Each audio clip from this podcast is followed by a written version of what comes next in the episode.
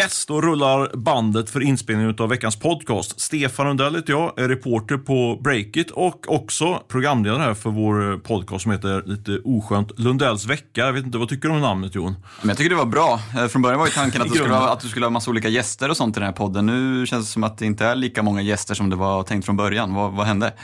Ja, men det är för att ni levererar så bra internt. På, men Åsa var ju med förra veckan och nu är du tillbaka i studion vilket känns, eh, känns tryggt faktiskt. Men Åsa kommer nog komma tillbaka nästa vecka. Jag har inte sagt det än. Men Mm. Ja, men det, jag- hon gjorde en väldigt bra insats tyckte jag. Men Ja. du gillar ju när saker går liksom smidigt och lätt. Liksom, och det är det ju när man gör med sina kollegor kan man väl säga. Ja, men lite så. Lite så. Men vi kommer nog ha lite gästinhopp också framöver här. Eh, Vi får se var det landar någonstans. Idén med den här podden är ju liksom att vi ska summera eh, veckan i det som vi kallar eh, det nya näringslivet, men också blicka framåt lite grann och ta våra egna takes och ibland förhoppningsvis komma med lite initierat skvaller också om vad som har hänt. Och vi delar upp podden i, tre segment. Veckans möte, eh, veckans snackisar och till slut då den väldigt uppskattade punkten veckans köp och sälj. Sälj är alltid, mest uppskattat märka i mejlfloden som rullar in. Bara smattrar in efter Ja. Särskilt de som, eh, de som eh, står på sälj där. De lyssnar på podden ändå rätt ofta känns det som. Ja, precis. Det, när vi pratade lite, lite halvtaskigt om Desenio då, och, Fredrik Palm till exempel, då fick jag mejl bara en timme efter podden lades ut, så det var ju, var ju starkt. Starkt. Sen så bo, boka upp en lunch med honom, men det, den har jag faktiskt misslyckats på att ta hela vägen till, till, mål. Men det ska vi ta, eh, det också. Så det vet du Fredrik nu när du lyssnar. Men du, vi börjar med veckans möte. Jag tänkte, ska jag börja eller vill du börja? Uh, nej, men jag kan väl börja. Jag var Ja. nere i Malmö igår, kom hem, eh, ja, jag kom knappt hem ska sägas, men nu är jag på kontoret i alla fall. Eh, och vi hade ju vårt scale-up day, vårt tillväxtevent och det var massa bolag och entreprenörer och grundare och så vidare på plats där i Malmö och pratade om tillväxt. Eh, och där träffade jag en person lite hastigt som heter Heidi Lindvall, känner du till henne? Mm, nej, investerare, nej. Ja, men kanske namnet. Men eh, hon är med och driver den Pale Blue Dot. Eh, känner inte till det heller? Liten klocka Investeringsfond nere i Malmö som investerar i liksom klimattechbolag. Hampus Jakobsson är det Ja, som, det är eh, den därifrån. Ja, men det vet jag absolut. men där ja. hon också är en partner då. De, de förvaltar ju typ 900 miljoner tror jag det är. Och tagit in kapital bland annat från Daniel Eks eh, Prima Materia. och sitter på liksom, jag har inte liksom haft järnkoll på dem heller. Vi är ju lite dåliga på, har varit lite dåliga historiskt på att bevaka liksom Malmö och Göteborg och utanför Stockholm generellt, även om vi har försökt.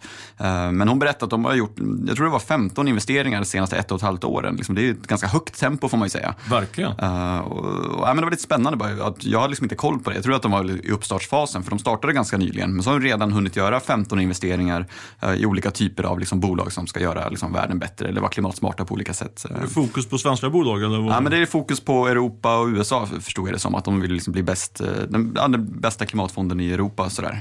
Konkurrent till uh, Niklas Alberts Norrsken? Ja, kanske lite grann. Jag, jag, jag tror inte de hade så många svenska portföljbolag. Norrsken har ju rätt mycket av just svenska bolag i sin portfölj. Eh, här, hon lyfte bland annat upp ett bolag som heter Patch. Jag tror de satt i Silicon Valley och jobbar med klimatkompensering på något sätt. Eh, ja, men det var intressant och lite peppigt att se att det finns liksom så tunga spelare nere i Malmö som ändå investerar liksom väldigt aktivt och gör det i, liksom, i sånt som gör världen bättre. Nej, men det var kul.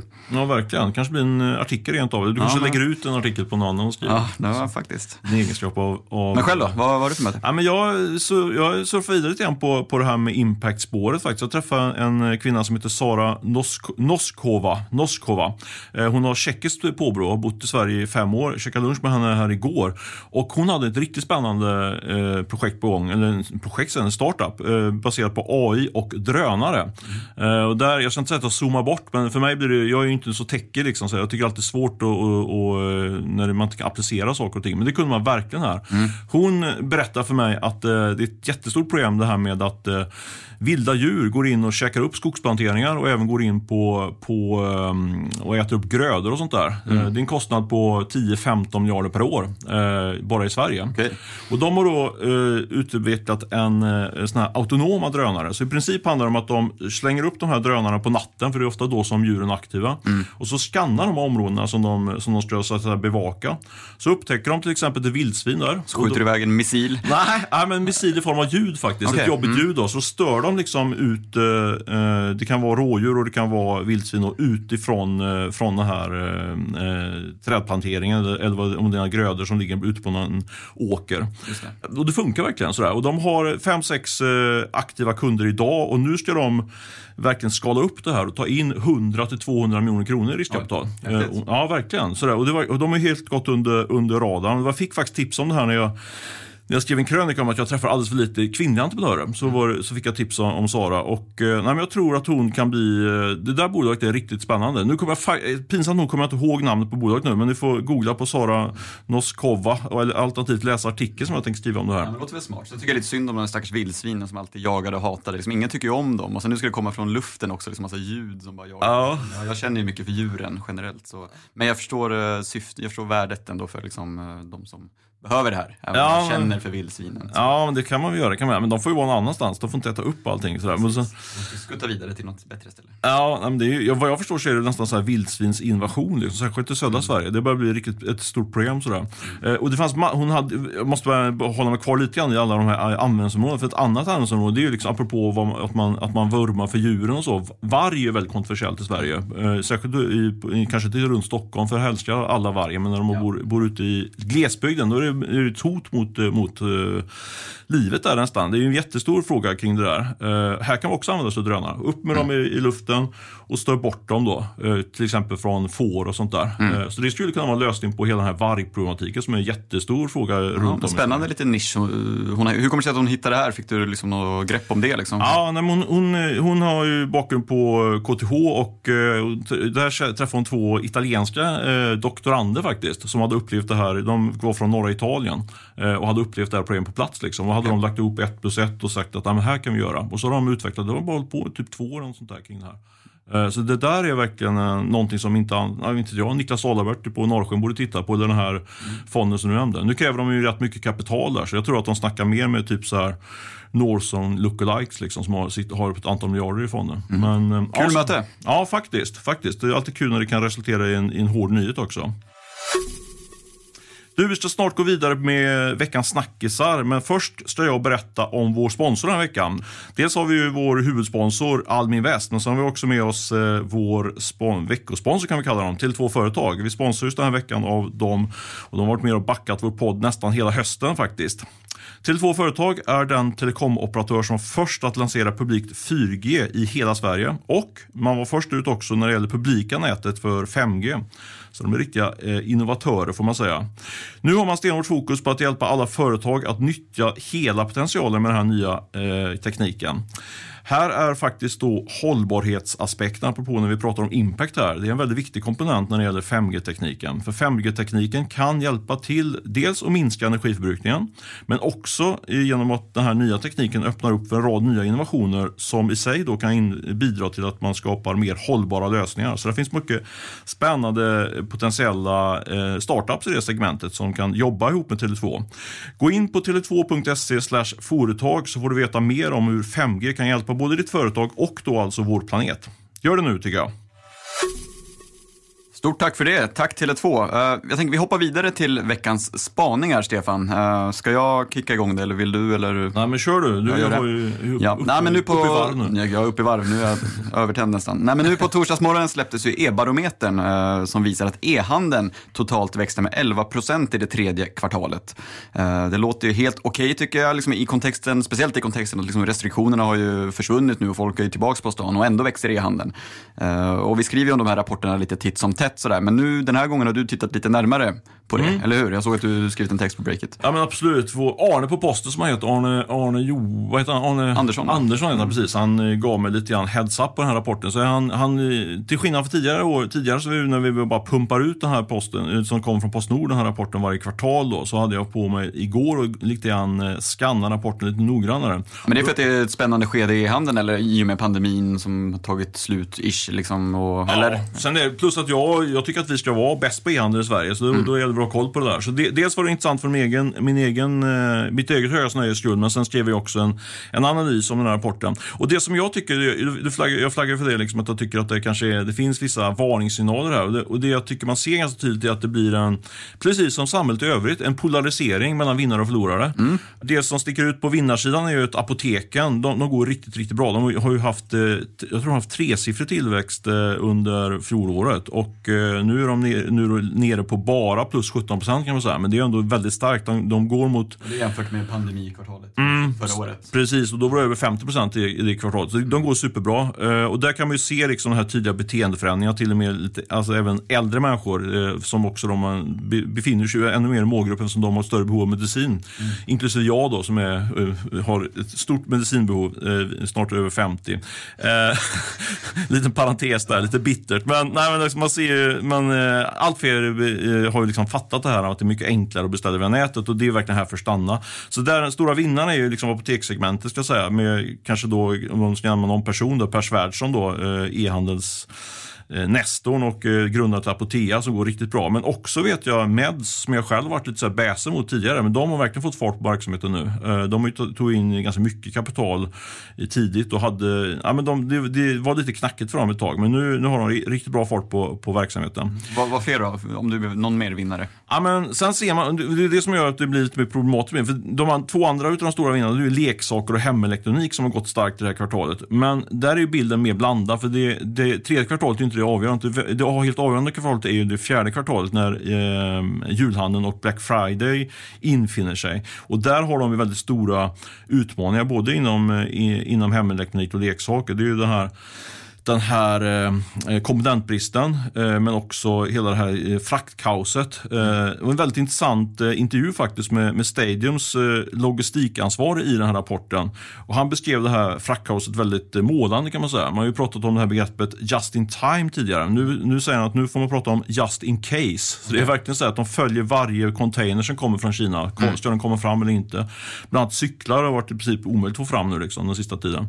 Så det där kommer ju vara eh, eh, det, där, det, alltså det, är liksom, det är avgörande läge nu för, för många e-handlare. Och det som, eh, den allra mest intressanta datapunkten tycker jag i rapporten, det var att eh, Hälften av e-handlarna eh, som var tillfrågade i den här stora undersökningen som görs i samband med rapporten, de var, de var rädda för att de skulle få ont om varor till julhandeln.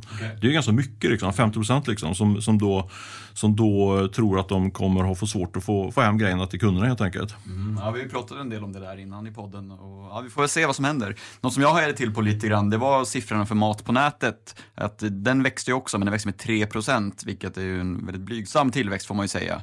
Eh, jag kan titta på mitt eget beteende, liksom att jag e-handlade rätt mycket mat där under pandemin, mat hem och så vidare. Men dragit ner ganska mycket på det nu när man går i butiker på ett annat sätt. Och, ja, inte riktigt sam samma behov av att liksom nät-e-handla, kort sagt. Mm. Eh, 3 vad tänker du om det? Nej, men jag håller med dig. Det, det är en skitdålig siffra. Jag var också för- förvånad över att, de, att man inte växer mer. Eh, man har ju snackat om det här med att, eh, att utvecklingen har snabbspolats i flera år liksom framåt på grund av pandemin och sådär. Men nu funderar jag lite grann på om, ja, men nu är det knappt någon tillväxt i den här marknaden. Så det är fortfarande bara ett enskilt kvartal, så det är inte säkert att, att det är någonting som är här för att stanna. Det kanske tar fart igen. Liksom. Men jag tror att jag skulle vara ganska orolig om jag har satt på, på framförallt kanske Mathem, men också på, på de andra mer etablerade stora jättarna, Axfood, Coop och Ica. För det investeras ju miljarder i nya robotlager eh, på alla de här spelarna och eh, jag noterade att Kinnevik faktiskt skrev ner värdet på, på sitt innehav i Mathem i senaste rapporten med 12-13 procent var det. Det är ju inte jättemycket men ändå liksom, det är en lite så här, Ja, det, får, det räcker ju för, med tanke på att bolaget är värt så pass mycket redan. Så eh, jag skulle säga det, om man skulle konkludera kring, kring eh, mat på nätet liksom, så är det ju så är det liksom en oroande signal där. Men det är fortfarande svårt att sätta, liksom, eh, sätta någon rubrik på att det, att det är eh, tillväxten är över. Och sånt där, liksom. Det fortfarande, tror jag, den stora bettet är ju på att det ska fortsätta växa. Liksom. Vi får se. Ja. Om vi bara hänger kvar vid mat lite grann innan vi går vidare till nästa spaning. I veckan kunde vi berätta att Mathem ger sig in i segmentet om snabba leveranser där vi ju har Foodora och Kaval och vad heter de, Vembla eh, och så vidare. Vad, vad tänker du, nu bara frågar jag dig vad du tänker, Ja. men vad tänker du om det då? Ja, vad tänker du själv? Kan jag, passa, tycker du, jag, för jag Jag tycker har det är intressant det här med fem, behöver Jag jag har ju ha varit käk på lite 15 bortkopplad minuter? eftersom jag har varit nere på event och så. Så men jag- rent som användare tänker bara 15, måste du ha käket på 15 minuter? Jag är lite så här, jag Matkassar absolut inte känner jag. Nej. Det känns ju inte som en, liksom ett behov av att ha liksom så snabbt. Det är väl något som man ändå handlar Ja, man, man, man, det, är oftast inte panik när man ska få sin matkasse, tänker jag. Mm. Eh, däremot Foodora och sånt, där, absolut, där vill man ju ha maten snabbt om det är liksom snabbmat. Ja, Eh, precis. Mm. Så det är något annat ju. Men matkassar, nej det känner jag väl inget riktigt behov. Det är viktigare för mig i så fall att det är ja, men bra priser och kommer när de lovar och att det inte är något krångel, liksom, att det är fräscht. Liksom. Det- För det här är ju liksom ett segment som har, som har varit extremt håsat bland, bland riskkapitalister i, ute i Europa. Och vad jag förstår så är en av de stora drivande, drivande faktorerna kring det här, det är att folk beställer hem ja, men du vet, chips och öl helt enkelt. Så det är på den nivån. Liksom. Eh, och, eh, jag gjorde intervju med Matens VD här nu eh, inför när vi, när vi skrev den här nyheten. Och, han, han pekar på att vi, de siktar mer på, inte liksom på snackssegmentet utan mer på mat. Du vet, nu ska göra mat till dina barn innan de ska iväg till fotbollsträning och lite panik. Du måste få hem lite köttfärs och, och, och tomater så, liksom, för att få ihop någonting. Så de har ett större utbud jämfört med, med de andra spelarna och de tror att de kommer få nå liksom en kvarts miljard i omsättning på ganska kort tid i, i det här segmentet. Det är mycket pengar. Men om du frågar mig om har, de, har de sin egen logistik runt det där, att det ska gå snabbt eller går de ihop med någon som hjälper dem? Minns du det? Nej, de bygger upp det själva helt ja. enkelt. Med, och det är med elcyklar som kör runt då, så de försöker vara klimatsmarta. Men jag vet inte, personligen tänker jag så här. Det, jag ser logiken, alltså den industriella logiken, att det finns liksom ett väldigt intressant segment där med, för jag vet ju att de här, den här typen av närbutiker, de har gått väldigt starkt, alltså de, de fysiska närbutikerna. Eh, och det är en jättestor marknad och det är bara att se på, se på mig själv, så hur ofta jag går in i, i min liksom, Coop närbutik och köper mat inför, inför för kvällen. Liksom sådär. Samtidigt är det någonting som lite skaver tycker jag här. Måste vi verkligen ha leverans på 15-20 minuter? Liksom? Det, det, är någonting mer. alltså, men det kanske är en annan fråga, jag vet inte. Sen är det inte riktigt handlingen i närbutiken som är det jobbiga, tycker jag i alla fall. Storhandlingen är ju det som tar tid och som man kanske vill bli av med när man, liksom, att gå och köpa ett paket liksom, chips och läsk, det är väl Typ mm. ganska trevligt nästan. Eller... Fast jag kan nog känna igen mig i det här vardspusslet. Liksom, att man är mm. på väg hem snabbt. och så det, det, Absolut, jag tror ändå de fyller ett problem där. Eller löst ett problem. Liksom, sådär. Men jag tror att det, i och med att det gått in så himla mycket riskkapital här eh, så tror jag att det just nu är det rätt dopat. Och eh, det kommer ske någon form av utslagning här. Jag såg Kaval, jag har inte hunnit plocka hem de handlingarna men de har gjort en nyemission. Eh, de tog in 50 miljoner tror jag här för, för ett par månader sedan. Nu verkar det vara nya på väg, pengar på väg in, vilket är eh, väl ett tecken på att det kostar mycket med den här expansionen. Och jag tror också det kan vara svårt att räkna hem hela den här affären. Eh, jag gjorde, snackade med en stor sån här Last Mile-aktör i samband med att vi körde vårt event i Göteborg. Sprang på Gordons VD där. Mm. Eh, och träffade jag igår också faktiskt. Ja, det gjorde det. Mm. Ja. Mm. Supertrevlig och, och oerhört imponerande företag. De har ju svarta siffror. Liksom. Men mm. han sa en väldigt intressant datapunkt där som jag tycker är värt att lyfta.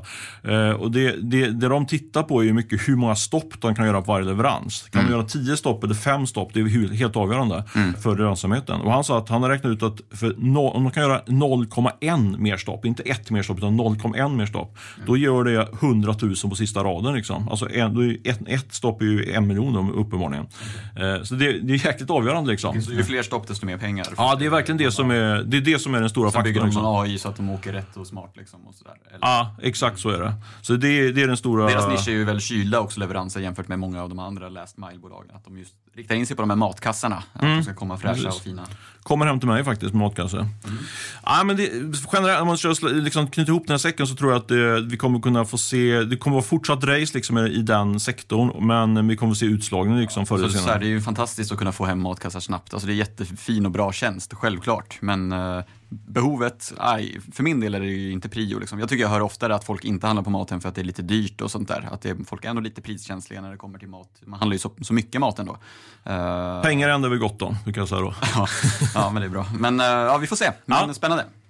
Vi studsar vidare tycker jag till nästa spaning direkt. Uh, nu ska vi snacka lite uppköp. Vet du vad vi ska prata om Stefan? Eller det vet du? Jag vet att du vet. Men... Jajamän, jajamän. Nej, men vi följde igår var det en väldigt spännande tycker jag händelseutveckling i Fortnox, Fortnox inte Fortnox utan Fortnox mm. och eh, Capsitio. Eh, där var det en affär. Eh, du kan väl dra datapunkterna? Precis. Nej, men Capsito det är en, en utmanare inom digitala lån kan man väl kalla dem för små och medelstora bolag. Och nu säljer de också, jag har liksom inte järnkoll på exakt hur de har liksom utvecklat sin modell. Jag kommer ihåg när jag träffade dem för några år sedan, då var det mycket liksom att ja, men se till att uh, hjälpa småföretag finans få finansiering. Eh, mm. så. Uh, fakturaköp tror jag det var och lite olika typer av tjänster. Men sen har de väl breddat sin, sin, sin, portfölj lite grann, eller hur? Ja, men i princip tror jag att de har kört vidare på det som du sa, men sen mm. har de ju då märkt att de har byggt en väldigt bra tjänst för, för, just, det, för just det här med kreditgivning till, till mindre företag. Så då har de gjort en så kallad white label-lösning som de säljer vidare till. Jag tror Nordea bland annat har köpt den lösningen. Just det, så att andra bolag använder deras tjänst i, i bakgrunden. Typ. Exakt, mm. exakt så. Och de köps upp, 410 miljoner var det va? Mm. Uh, vad tänker du om den? Uh, vi ska börja med prislappen också, vad tänker du om den? Nej, men, som vanligt då så är jag ju nästan mest intresserad av, av prislappen ja. mer än allt det andra. Och jag tycker att den är väldigt hög, måste man säga. Mm. Uh, För de omsatte ju inte sådär ruskigt mycket. Nej, jag satt faktiskt och läste Olle Aronsson, min kollegas text här om detta. Då sa jag till Olle liksom så här, det måste vara fel. Liksom. Du, har glöm, du, du har skrivit fel på omsättning. Då var det, för det står Fattas en nolla? Eller? Ja, det var faktiskt så. För ja. de omsatte 224 miljoner då. Och jag trodde det var, du måste ha skrivit tappat någon där, så det måste ja. vara 240 miljoner. Liksom. Okay. så, det, och, så de omsatte 24 miljoner och gjorde en förlust på 36 miljoner. Och ändå då så värderas de nog till 17 gånger omsättningen på en väldigt, väldigt eh, svag eh, resultat då, minus 36 miljoner. Ja. Så det måste man ju säga är väldigt eh, eh, väl betalt får man säga för, för de som, som nu kan sälja. Det var ju ett, ett gäng eh, riskkapitalaktörer kan man säga. Jag tror Schibsted var med på törn också. Mm. NFT Venture som är, det var lite blandat. Så här, de kan ja. behöva lite grann tror jag, NFT ja. Venture. Men eh, fick du någon förklaring till prislappen då? Liksom, kom du eller Olle som analyserade fram till liksom, vad, varför? Ja, men det, man, det man ser i det här segmentet med Fortnox då är ju, är ju liksom, försöker ju marknadsföra sig som småföretagens bästa vän. Mm. Där man kör, senast, min, senast i, i, veckan så signade min fru upp med sitt eh, lilla, lilla aktiebolag. Liksom. Det, det är mm. jättemånga som har den bokföringstjänsten och den ska ju tydligen vara väldigt, väldigt bra. Men det är ju ett race då mellan de olika bokföringstjänsterna. Dels har du Fortnox, sen har du Visma SPCS och eh, det finns många andra också, men om man ska nämna tre så är det Fortnox, Visma SPCS och sen även Björn Lundén börjar komma upp som en, som en ny, eh, en ganska stark spelare. Och alla de här tre eh, är väldigt aktiva när det gäller att köpa nya bolag. Mm. Så det är liksom ett förvärvsrace kan man säga mellan de här bolagen. Och logiken bakom det är ju att om vi tar Fortnox då som exempel, då har de en väldigt stor kundstock med, med eh, småföretagare som i första hand eh, använder sig av deras bokföringstjänst. Då. Men när man väl är inne i den här liksom Fortnox-världen mm. så kan man sedan addera till massa andra tjänster. De köpte till exempel Offerta, offerttjänsten mm. och nu får de den här kreditlösningen. Då, sådär. Så det, det är liksom deras, de har en väldig synergi att kunna sälja på sina, sina kunder massa andra lösningar. Liksom. Så det gör ju att de kan driva upp prislappen. Mm. Men, men med det sagt så tycker jag ändå att det här här känns väldigt stretchat liksom att betala 17 gånger omsättningen. Man förklarar ju det med, eh, Olle gjorde intervju med vdn där på Fortnox också. Det, eh, förklaringen, en av förklaringarna är att de vill ha, komma åt den här tekniken då, eh, som, som finns också. Så det är större värde än vad liksom affärsmodellen i dagsläget för, för, för Capsito kanske liksom eh värdet på tekniken ändå stort, så att säga, även om de kanske inte får ta, fått igång liksom affären. Ja, precis. Men, utan... men i kontexten med en Fortnox kanske det blir jättevärdefullt. Typ. Ja, men precis. Samtidigt kan jag tycka liksom att fast den, den kunde, eftersom de har en White Label så kunde de köpt den av dem på White Label, alltså bara köpt den och, och, installerat den. Men det finns nog någon större plan bakom där som kanske jag är för korkad för att förstå.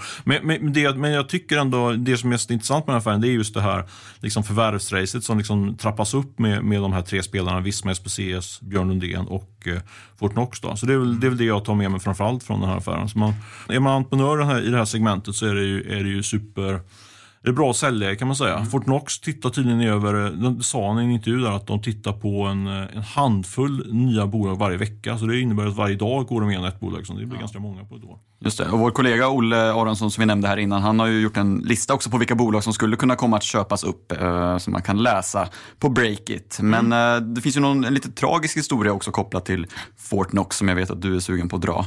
Ja men precis, jag har ju triggat den hela morgonen. Ja, du har bara gått runt och berättat att du ska berätta någonting i podden. Ja precis, jag var att säga det till, till Åsa Johansson här mitt emot men så kom du in i lokalen och sa jag får ta det efteråt. Eh, nej men jag tycker att det är en väldigt fascinerande historia. Och, och storyn handlar om Jan Elmeby som då är, eh, först och främst så, så, så grundade han då SPCS som sen köptes av Visma. Mm. Eh, han är från en Växjö-entreprenör. Då. Eh, så körde han eh, SPCS i 15 år som VD, hoppade av och gick typ över gatan eh, och, startade, och drog igång eh, Fortnox. För nu är det lite fascinerande, i Växjö då, så ligger nämligen SPCS på ena sidan av gatan och sen ligger Fortnox på andra sidan. Så det är mm. två största spelarna i det här segmentet ligger på samma gata, eller samma kvarter då i Växjö. Mm.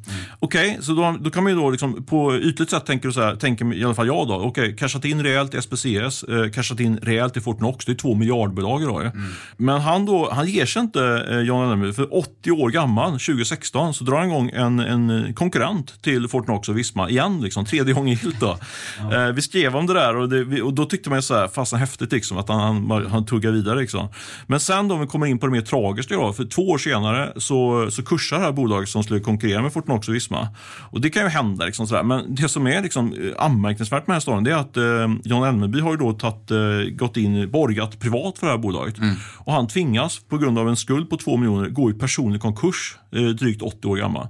Mm. Eh, och den här storyn ramlade jag på i för något år, två år sedan tror jag, när jag skrev, eh, gjorde vår SAS-rapport. Så jag sökte John Elmeby intensivt där under flera veckor, försökte vi, liksom, verkligen ha den här storyn bakom kring hur gick det här till liksom. För jag menar, på ytligt sätt tänker man liksom att han måste ju vara typ miljardär nästan, eller mångmiljonär i alla fall. Liksom. Mm. Men det är han inte, utan nu är han, jag tror han är 85 nu liksom, och i, satte för personlig konkurs. Tragiskt ja, tycker jag. Ja. Ja. Jag ska säga att du har ju berättat den här historien förut, så jag har ju hört den. Nej, är det så? Fasen, ja. jag dratt... Okej, okay, sorry. Ja, ja, men hoppas inte poddlyssnarna... Vi har jagat honom och du skulle åka ner och leta rätt på honom. Vi är kollegor, vet du. Ja, ja, ja. Fasen. Ja, ja. Men det, Nej, visst men, är det ändå ja, är ju, den är gripande på något sätt? berätta igen, verkligen. Ja. Det är ju helt uh, ja, men osannolikt nästan. Ja. Man vill verkligen få tag i honom, för vi, det, det, har vi inte lyckats med va? Nej, jag pratade med hans medgrundare från SPC, så han, han, är, han har ju drivit väldigt framgångsrikt bolag idag. Han, jag, jag tror att det helt enkelt kan vara så att han, han är lite bränd av det här och inte ja. vill ut och snacka om det. Sen är han ju gammal också, 85 liksom, så det kan vara det. Men uh, bara kort innan vi studsar vidare till nästa segment, liksom, finns det någon lärdom att dra liksom, av den här anekdoten? Mer än att den är liksom, vilken wow liksom. Mm. Nej, men jag alltså, i, och med att vi inte fått, I och med att jag inte fått göra intervju med honom så kan jag inte säga att jag vet. Men det, det tyder ju på att han det är ett exempel på en entreprenör som säljer alldeles för tidigt. Alltså man, för det har ju skapats enorma värden både i SPCS och i Fortnox efter att eh, han har lämnat bolaget.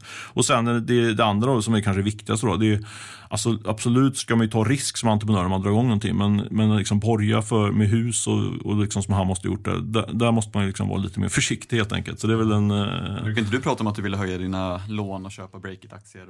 Ja, men det skulle jag nog kunna tänka mig, men då har, gäller det att ha lite marginal där på den här lånen. Balans. Ja, ja, precis. Det är väl det så liksom. Men ja, det är väl det jag tar till mig. Och sen så blir jag väldigt sugen på än en gång försöka få kontakt med Jan Elmby. För jag vill ändå säga, säga liksom, att det är ändå det är hatten av till en riktigt duktig entreprenör. Liksom. Och det är inte så att det gottar med hans olycka här, utan jag tycker att det är, rätt tragiskt och trist att det slutar sådär. Liksom. Så jag hoppas att han har en, någon fru som kan eh, backa upp honom någonting så han inte, så han inte är helt på bar backe.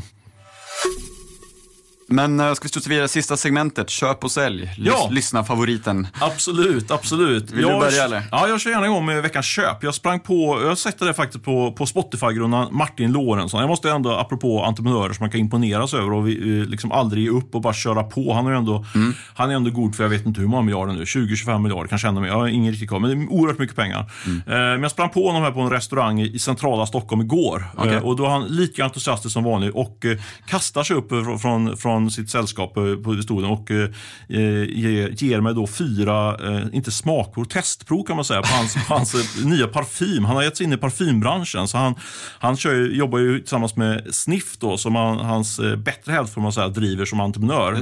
Han har investerat där också? Ja det har han, ja, precis. Men han har verkligen gått all in på det här med, med parfymer. Så, men han sitter på typ Rish och delar ut smakprov, eller doftprover eller vart det Ja men exakt, ja. exakt. Så han hade, jag fick fyra små, små flaskor med, med doftprover som jag nu ska testa av och sen så, sen så eh, eh, ge min recension. Och, och hans take på det här är att eh, det är, både, det är mycket så unisex, så att man både, kan, både tjejer och killar kan använda samma parfym och sådär. Så det är min veckans, eh, veckans eh, köp, Martin Lorentzon, som aldrig ger upp, alltid, vill, alltid en säljare, alltid, alltid vill eh, starta nytt. Ja, det är fantastiskt, men man skulle ju kunna liksom vinkla om den också till, det kanske jag tar helt enkelt, så veckans ja. sälj, att han måste vara ute och liksom kränga liksom, manuellt de här liksom, parfymerna.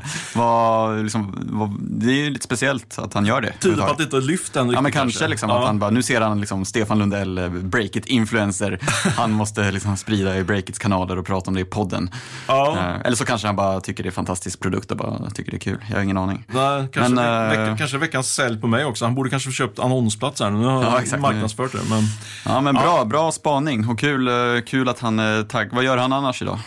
Ja, men han, han är, jag tror att han är fortfarande hyggligt aktiv i, i Spotify. När jag, jag mm. träffade honom för ett tag sedan, då, då kör han, har han tydligen en uppgift när han har det, att liksom köra eh, peptalket eller on, onboardingen liksom på nya medarbetare. Där han liksom okay. drar storyn om, om, om eh, Spotify. Just typ det. så. Och sen sitter han väl, jag vet inte om han sitter i styrelsen fortfarande i Spotify. Nej, det gör han inte. Men så har han ju investerat ganska kraftigt i, på börsen genom en, en, en struktur och sådär. Mm. Så han, jag såg att han twittrade något om att Spotify går in i, om det var Venezuela eller vad det var. Och då kände jag liksom, undrar om han ens bryr sig om att Spotify går in i Venezuela idag. Liksom. Det tror jag absolut att han gör. Du tror det? ja. Ja. det känns som att han är supercommittad för, för Spotify fortfarande. På sättet. utan att vara liksom, aktivt involverad. Ja, men han äger ju typ 15 procent av det. Ja, jo, men han, om inte är i styrelsen. Jag menar, absolut. Ja, nej, men den känslan har jag faktiskt att han är väldigt committad fortfarande. Ja, men kul. Han måste vi intervjua snart tycker jag på Breakit eller ha med i något sammanhang. Ja, Det- han är svårflörtad. Han gillar ju inte att vara med i media överhuvudtaget. Nu har att du han- smörat lite, lyft parfymerna. Ja, liksom. jag, jag måste erkänna att jag har lite ångest för jag sa det här, för jag vet att han hatar när man pratar om honom i Ja. publik. Så. Men, men, men, det var ju ganska snälla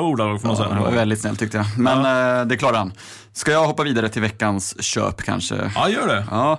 Nej, men jag tänkte slå ett slag för en ny techpodd som har kommit. Jag vet inte om du har hört den, men Techsplain med vår gamla poddkollega Katarina Andersson och en person som heter Ola Andersson som har startat en podd. Har du Ja, hunnit jag- lyssna på jag, den eller? Nej, det har jag, jag, vet att hon, och jag har fått eh, pitchen från Katarina här, men katt som hon också kallas. Ja, katt, men, exakt. men vi har inte hunnit lyssna på den. Ja, men väldigt på väl. Ja, men det gjorde jag när jag satt på ett eh, väldigt försenat tåg igår från Malmö. Eh, då satt jag och lyssnade på den. Och väldigt välproducerad podd som handlar, första avsnittet handlar om liksom, eh, kriget om rymden kan man säga. Jeff Bezos eh, versus eh, Elon Musk och liksom hela spelet där. Och fick in lite en svensk koppling och sådär. Ja, men tycker man sånt är spännande, de här liksom framtidsfrågorna och liksom större tech och liksom de här stora namnen, då tycker jag absolut man ska lyssna in och ge det ett försök och smakprov. Sådär. Kul. Ja, men det ska jag lyssna på i helgen, det lovar Mm, jag. Vad ska vi se? Då ska vi gå vidare på veckans sälj. För min del då är veckans sälj är Smarta, som är ju ett bolag som ger eh, framförallt konsumentkrediter. De har köpt upp en, en hel rad med, med fintechbolag, bland annat Freedoms Finance, Älskling, eller Älskling säger man va? och Ja. Insplanet. Eh, där är det skakigt nu hörde jag. Som vanligt då, och det tycker jag lite grann det ska vara också när vi går in i podden. Jag har inte hunnit reka den här nyheten helt och hållet, men, Nej. men enligt uppgift så, är, så har det varit någon form av strömhopp där när det gäller chefer från Bau- Bauer Media som äger det här bolaget nu. Tysk stor mediekoncern. Eh, och det ska vara tydligen, eh, enligt uppgift då, får jag säga, eh, lite, lite, lite bråkigt där. Oresearchat, okollat. Ja, men jag tror att det är fel. Vi får se. Det är Ja. typiskt en grej som jag ska gräva vidare på efter jag går ur poddstudion här. Men det ska vara lite chefs, eh, chefsavhopp från, från Smarta. Mm. Eh, och då innebär det att det blir en veckans sälj på Smarta för min del. Och sen, jag vet att du, jag har sett att du har suttit och läst den Avicii-boken. Eh, där är jag nyfiken bara, är det köp eller sälj på den? För jag själv känner ju verkligen att jag vill läsa den. eh, Ja. Men har inte Nej, hunnit. men, det, ja, men köp märks att jag absolut tycker att man ska, man ska läsa boken. Det är ju Måns Mosesson heter. Jag tror att han jobbar som journalist på DN och boken heter Tim då. Eh, rätt unik faktiskt. Han, han, har tagit del, han har fått ta del av Tim Bergling som eh, Avicii heter eh, på riktigt då. Eh, all, I princip alla hans mejlkorrespondenser och även så här WhatsApp-korrespondenter och så här. Så det blir väldigt, känns väldigt autent, autis, au, inte autistiskt. autistiskt. Nej, autentiskt, även om han de facto inte, jag tror inte ens han har träffat Avicii någon gång. Liksom, för, Ja, det är ju unik inblick får man ju säga. Sen Ja. känner man ju lite, om jag hade dött, ingen som skulle vilja skriva en bok om mig i och för sig. Men eh, gå, igenom alla- gå igenom alla mina konversationer, liksom, det känns ju lite, Ja, ja, det lite är jobbigt. eh, låter lite jobbigt. Men det Ja. kanske, det är familjen har gett godkännande och så här, så man får ju anta att de eh, känner att Tim hade varit okej med det i sig. Ja, men nej, det, men den är- den det känns ju lite känsligt. och San, sånt. ja, verkligen. Speciellt Jag för motparterna också som han har liksom haft korrespondens med och chattat med. Och liksom det, man kan ju vara på ett visst sätt i en chatt och på ett annat sätt i verkligheten och sådär. Liksom. Men, Ja, men så, eh, helt rätt. Och, och, ja, den är ju lite grann så här sanktionerad, eller den är ju absolut sanktionerad av Tim Berglings föräldrar. Då, och eh, det ska man ju säga också att Måns Mosesson har ju gjort väldigt många intervjuer också. Mm. I allt från flickvänner som har liksom levt väldigt nära honom och fått, Mm. man får liksom en helt annan bild av hans liv. Kompisar och eh, men också liksom så här typ Per Sundling eh, personer liksom på, på Warner Music. var Per Sundin Universal. Ja, på Universal, precis. Mm. Han, han var ju väldigt tidigt inne i Spotify också. Så det är lite kul. Det finns en viss tech-känsla, tech-vinkel på det också. Men visst är det så att Ash, som var liksom Aviciis högra hand, eh, som idag stor techprofilen då i Stockholm och Sverige, Mm. att han inte har medverkat i boken? Ja, men precis. Jag vara helt ärlig så var det du som sa det. Det framgår inte ens eh, inte i boken än. Det kommer nog komma fram. Jag Ja. läste en recension också i morse. Så, nej, men så är det. Han, Vi får han- dubbelkolla det, men jag jag mig Nej, jag så läste det eller hörde det. stämmer. Han, han inte, jag, jag sätter på Anton också, så han, han har inte medverkat. Vilket jag tycker är synd, för det, det är klart att det är lite grann så här, man säger, elefanten i rummet på något sätt. För det, det Ja. var ju den här Avicii Dokumentären. dokumentären som lite grann, får man typ nästan pekar ut Ash som, ja, det låter lite grovt, så här, ansvar, men liksom som en orsak till, eh, en av orsakerna i alla fall till att det gick som det gick för Tim Bergling verkligen. Och jag tyckte ju... Det var ju många som tolkade det lite så. Mm. Alltså, såg liksom att det fanns ett maskineri runt Tim som, tvingade, eller som fick honom att spela och spela fast han inte ville det någonstans. Mm. Sen är det ju en dokumentär så liksom det är jättesvårt att värdera och så vidare. Mm. Men, men uh, alltså, lite jag... anmärkningsvärt ändå att han, man blir förvånad att han inte är med när familjen är med och sådär. Det hade väl varit jättevärdefullt tror jag, liksom för boken, om inte annat. Men jag, jag måste ändå vara tydlig med att säga att jag tror ju att den bilden är mycket, mycket mer komplex än det som ges i den. Ja, men ändå väl vara tydlig med att säga ja. när det står som publik samman. För jag, jag, jag, min känsla är inte alls att det var så som det var i filmen. Och, och ja. den, den, bilden blir ju mycket mer eh, bredare och fördjupad i boken. Man får liksom eh, alla försökte på, på, på, många håll och kanter liksom, hjälpa honom. Ja. Han, han, har ju led, lidit utav, led ju utav psykisk ohälsa från tidiga tonåren. Liksom. Mm. Det var inte så att det bara dök upp i samband med det här. Uh, men det är, svårt, det är jättesvårt att säga, konkludera allting i en mening i en podd. Så här. Men jag tycker verkligen man ska läsa boken. Så jag, jag skulle säga att det, det är köpt. Liksom. Jag tycker det är synd såklart att, att Ash inte medverkar mer i boken. Vi får väl söka Ash kanske och fråga varför han inte är med i boken. Det hade varit intressant att höra. Men man kan ju tänka sig att det är säkert i spåren av den här dokumentären att han kanske... Han känns ja. lite bränd liksom, tror jag på så här. Men det tror jag inte han har blivit i den här boken. För det känns som en väldigt... Uh, han ser, man får liksom alla aspekter här. Och jag tycker inte Ash kommer speciellt illa ut ur den här boken faktiskt. Nej, jag tyckte inte det var så illa i dokumentären heller ska sägas. Liksom, ja. det, man pratar ju, ibland är man lite skämtsamt, ah shit, Ash, eller vet, Tim kommer ju dö om man får liksom spelar så här. Men man kan ju, det betyder inte att man tror att han kommer dö eller liksom att han kommer ta livet av sig bara för att Nej. man säger någonting i en dokumentär liksom, när man sitter i en studio och skämtar lite. Liksom. Så, men det är ju klart, när saker blev som det blev, då drar man ju större växlar. Liksom. Eller många gjorde ju det just ja. då. Men eh, spännande, jag ska läsa boken i alla fall känner jag. Det är inte mm. alltid man vill läsa de här kändisböckerna, men just den här kändes ändå lite unik just med den här inblicken. Och, mm. ja, spännande. Ja, riktigt bra journalistisk granskning måste jag säga, utav hela caset. Så, så det, nej, men den, den, kan vi rekommendera. Bra, du, nu ska du snart få besök här från, från någon tung eh, storstadstidning som ska göra studiebesök, så du ska så gå ut ur studion. Men innan dess så ska vi tacka för er, er som lyssnat och vi ska säga att Olle Aronsson är ansvarig utgivare. Och vi har som sagt med oss Almin West som huvudsponsor av podden vecka in och vecka ut, vilket vi är väldigt glada för. Jag säger bara ha det bra tills nästa vecka. Vad säger du Jon? Ja, men jag håller med. Ha det bra så hörs vi och Åsa i podden nästa vecka istället för mig då. Just det, så blir det. Fantastiskt. Vi hörs. Ha det bra. Tjena.